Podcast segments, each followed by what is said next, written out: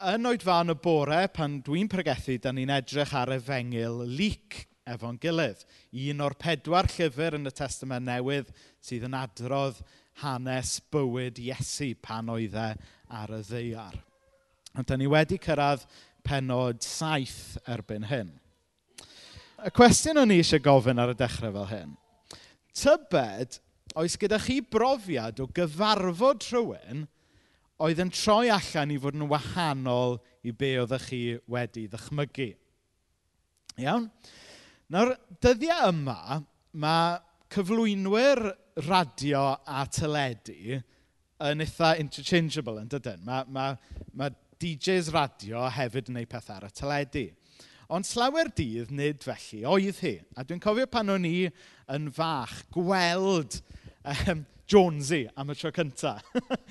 Ac oedd e'n edrych yn wahanol iawn i sut o'n i wedi dychmygu oedd e'n mynd i edrych. A falle bod chi'n gallu meddwl am enghraifft tebyg. Falle bod chi'n gallu meddwl am rhyw gyflwynydd neu DJ radio a chi'n gweld nhw neu gweld llun ohonyn nhw am y tro cyntaf a meddwl, o, dyna, dyna ryfedd, o'n i wedi dychmygu bys o'n edrych yn wahanol. Ac um, pan o'n i'n tyfu fyny, un o, um, mae'n cael ei bod y dal yn neud, un o DJs Radio 1 oedd Tim Westwood. Fe oedd DJ hip-hop Radio 1.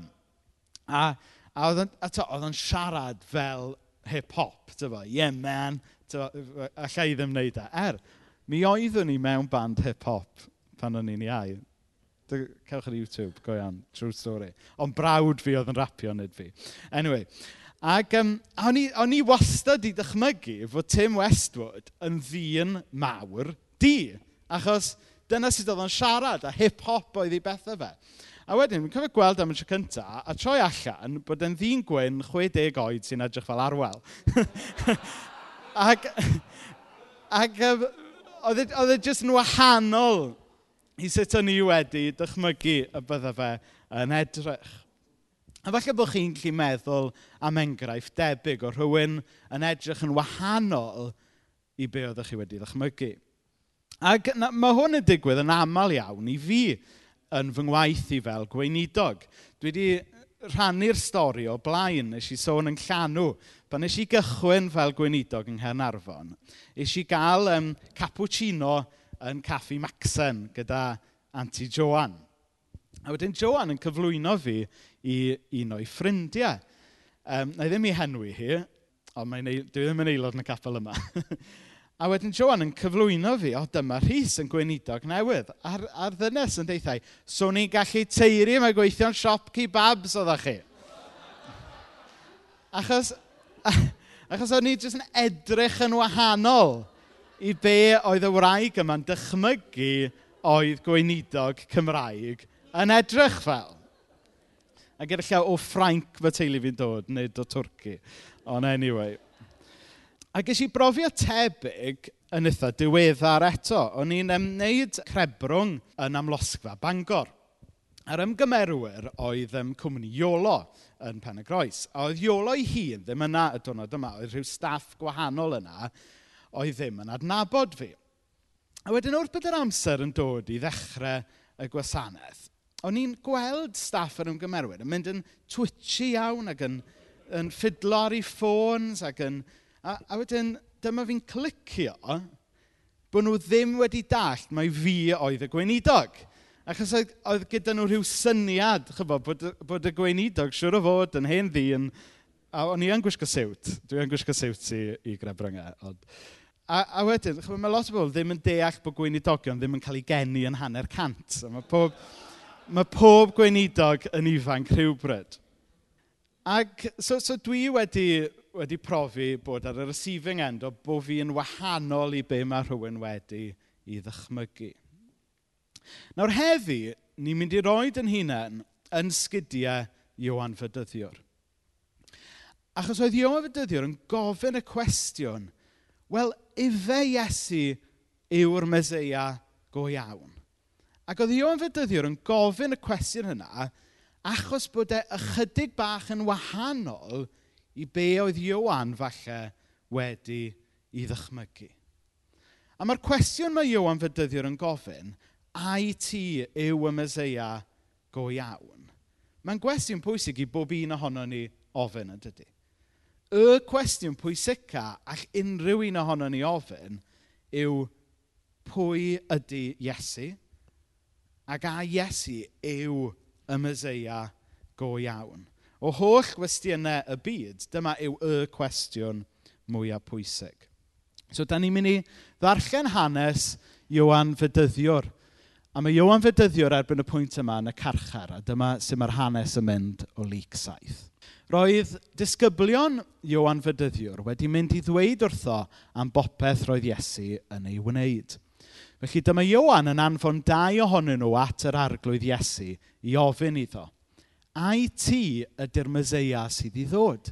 Neu ddylen ni ddisgwyl rhywun arall? Dyma nhw'n dod o hyd i Iesu a dweud wrtho, mae Iwan fy eisiau gwybod, ai ti ydy'r Myseia sydd i ddod?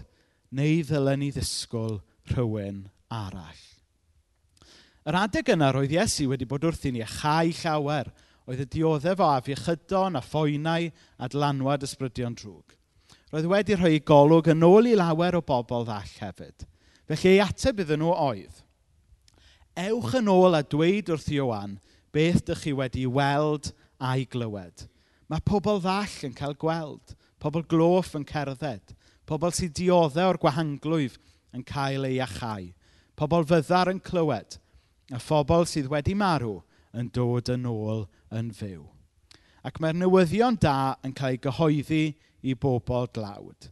Ac un peth arall, mae bendith fawr i bwy bynnag sydd ddim yn cochi hyder yn dda i. So, erbyn hyn, oedd Iwan Fydyddiwr yn y carchar. Oedd e yn y carchar achos oedd e wedi bod yn arwen rhyw fath o brotest mewn ffordd yn erbyn arweinwyr gwleidyddol a crefyddol i ddydd. Oedd e wedi bod yn defnyddio iaith gryf iawn, ymfflamychol iawn, yn erbyn awdurdodau a pobl i ddydd. Ac, i, ac felly, fel y byddech chi'n disgwyl, a fel y bydde ei hun yn disgwyl falle, fe ath e i'r carchar.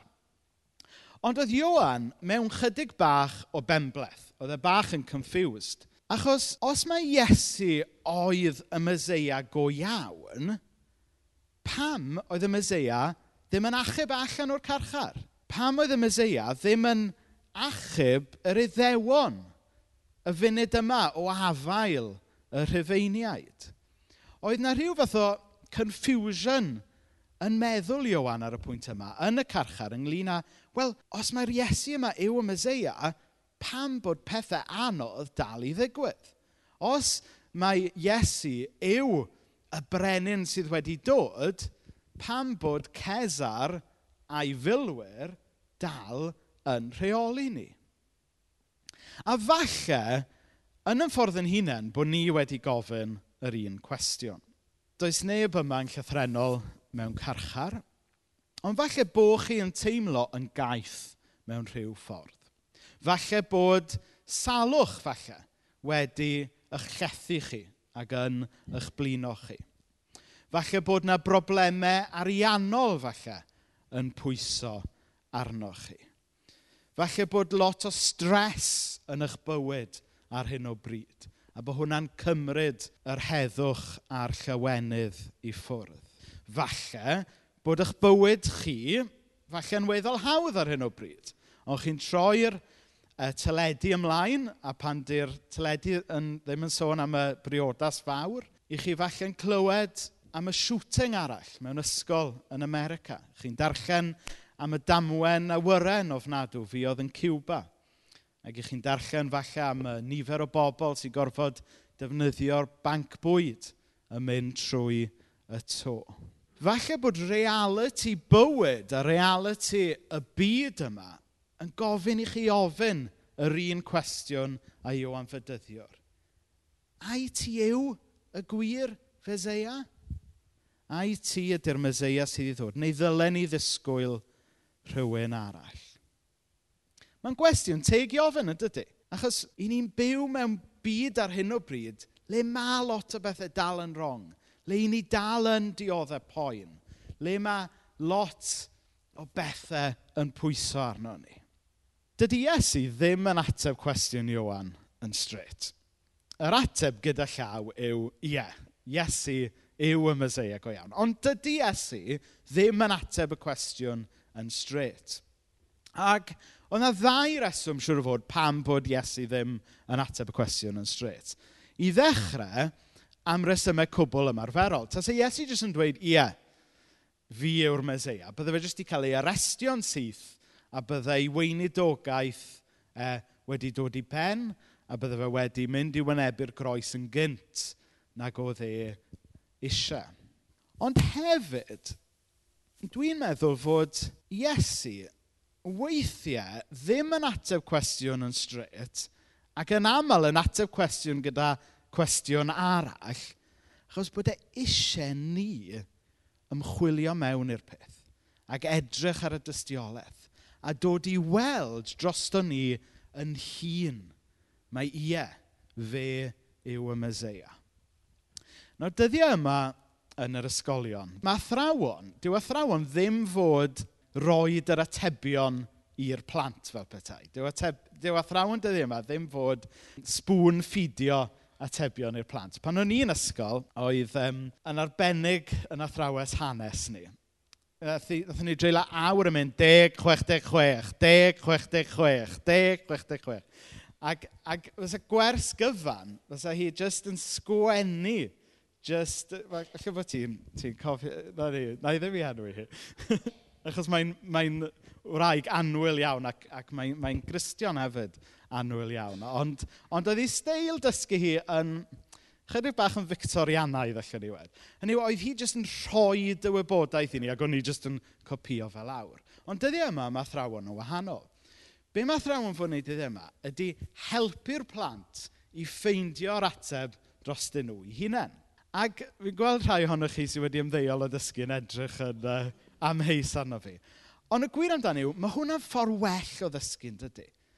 Chi'n mynd i gofio rhywbeth, chi'n mynd i werthfarogi rhywbeth yn well os i chi wedi dod i weld hynna drostoch chi eich hunan. Felly, beth oedd Iesu yn wneud fan hyn? Wrth beidio ateb yn straight, oedd e yn rhoi gofod i Iwan a rhoi gofod i ni edrych ar y dystiolaeth, edrych ar Iesu, a dod i weld a gwerthfawrogi drosto ni yn hunain mae Iesu oedd y Meseia.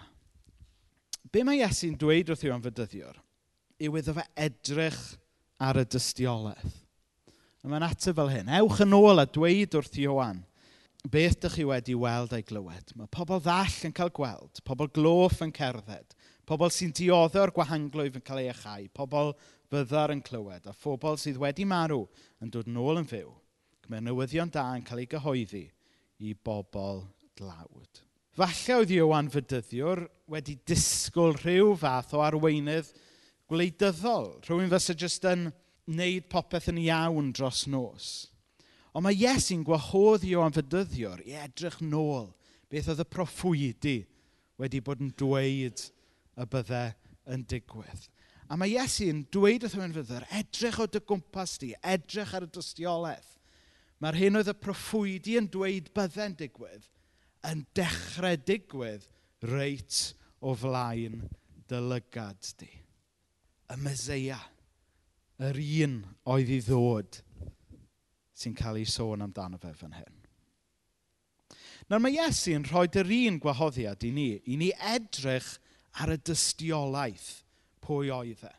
A dyn ni'n gallu edrych be mae'r Beibl yn dweud am Iesu. Dyn ni'n gallu gweld y gwahaniaeth mae Iesu yn gwneud yn ein bywyd ni. Dwi wedi cerdded gyda lot ohonoch chi drwy bethau anodd yn eich bywyd chi. A dwi wedi gweld Iesu yn fyw yn eich bywyd ac yn eich cynnal chi trwy hynna. I ni'n gallu edrych ar y dystiolaeth. Mae teirnas Iesu wedi dechrau torri trwyddo. Iawn, fel Iowan Fydyddiwr, falle bod ni'n rhwystredig weithiau bod ni ddim yn gweld mwy a bod popeth ddim yn cael ei drwsio a iachau yn syth bin, ond da ni'n gweld y deyrnas yn dechrau torri trwyddo. Mae e fel gwres canolog. Ddim fel swn i'n cymharu teirnas ddiw gyda central heating, sydd wrth gwrs yn amserol gan bod boiler y capel wedi torri. fi eisiau ffwr am ychydig ddwrnodau dechrau'r wythnos mewn cynhadledd yn bala, a pan eisiau gyrraedd adre gyda'r nos oedd y tŷ yn oer. Eisiau roi y gwres canolog mlaen, ac nath y tŷ ddim mynd o fod yn oer i gynnes fel na, wrth i fi switcho'r uh, switch na. Ond ar ôl switcho'r switch, yn raddol, fe nath y gwres ledu trwy y tŷ. Ac ebyn i fi fynd i'n wely, oedd y tŷ yn gynnes braf. A rhywbeth fel yna ydy teirnas ddiw. Mae Iesu, drwy fanw ar y groes ac atgyfodi, wedi rhoi y switch mlaen. Ond mae'r deyrnas yn lledu yn ara bach nawr. A dyna pam oedd Iwan Fydyddio'r dal yn y carchar. A dyna pam da ni dal yn dioddau rhai pethau. Ond dyna pam bod ni yn gweld hefyd arwyddion obaith. Arwyddion fod Iesu wedi ennill y dydd. A fod i deyrnas e wedi cael i sefydlu. Beth oedd angen i Iwan Fydyddiwr wneud? Oedd edrych ar y dystiolaeth a nid jyst edrych ar y sefyllfa o'i brysbectif e. Achos mae'n hawdd i ni, dydy, farnu Iesu ar sail yn disgwyliadau ni, ar sail yn profiadau ni, yn hytrach nag edrych ar y dystiolaeth. Nawr, dyddiau yma, mae e'n beth ffasiynol i roi dem filters ar luniau, yn dydy. So, i bobl sydd yn defnyddio Instagram, pwy sy'n gwybod be ydy Instagram? Come on, dwi'n lan. Pwy sy'n ar Instagram? OK, da iawn. So, cyn Instagram, dwi efo bach o old school tech fan hyn. Mae gen i filters go iawn fan hyn. So, na i handio rhai o'n nhw allan ar hynny. Na ni. So, dyma oedd yn filters yn edrych fel cyn Instagram ar e. So, efo filters, maen nhw'n ma nhw achosi chi weld pethau mewn ffordd wahanol yn dydyn. So, er enghraifft, mae, mae gan um, Gwynedd fyna ffilter tywyll iawn. So, mae'n neud i bopeth ymddangos yn dywyll. Mae gan fy chi ffilter fyna sy'n sy'n neud i'r um, top y llun fod yn dywyll a'r gweilod yn olen. A ti'n bod, weithiau, da ni'n gallu edrych ar Iesu drwy filters yn dydyn. So ar y sgrin fan yma, gyda chi union rhan llun, ond filters gwahanol arnyn nhw. Weithiau, da ni'n gallu edrych ar Iesu trwy filters yn dydyn. Ond problem filters ydy weithiau maen nhw'n gwneud rhywbeth i edrych yn dywych, weithiau maen nhw'n gwneud i edrych rhywbeth yn well neu be ydy o go iawn. Ond be ma, beth oedd Iesu'n deud wrth i'r anfydyddiwr yw i gymryd y ffilter i ffwrdd ac i edrych ar Iesu am bwy yw e go iawn. Edrych ar Iesu, edrych beth oedd e'n neud. Tynnu y ffilters i ffwrdd. A weithiau, da ni yn dydyn yn gallu edrych ar Iesu. Gallu edrych ar yn bywyd yn hunain hyd yn oed drwy filters. Felly os ydym ni'n berson negyddol bod gyda ni'r filter tywych yna. Felly os ydym ni'n berson arall bod ni'n rhoi rhyw filter lliwgar. Ond mae Iesu eisiau ni edrych arno fe heb filter o gwbl. Ac edrych arno fe am bwy yw e. Beth oedd e wedi gwneud a be mae e'n cynnig i'n bywyd ni heddiw. Mae eisiau ni roi y filters i lawr ac edrych ar Iesu drwy lygaid ffydd. Nawr dyna oedd Iesu'n gwahoddi o'n fydyddiwr ei wneud, dyna mae Iesu yn gwahodd ni i wneud. I ni roed unrhyw preconceptions sydd gyda ni am Iesu i'r ochr. I ni roed unrhyw ffilter sydd gyda ni ar yn bywyd i'r ochr. Ac edrych ar Iesu. Iesu sy'n llawn maddeiant, yn llawn cariad. Iesu sy'n neud gwahaniaeth. Iesu sy'n dod â gobaith i'r byd yma sydd angen gobaith a cariad. Er mwyn i enw. Amen.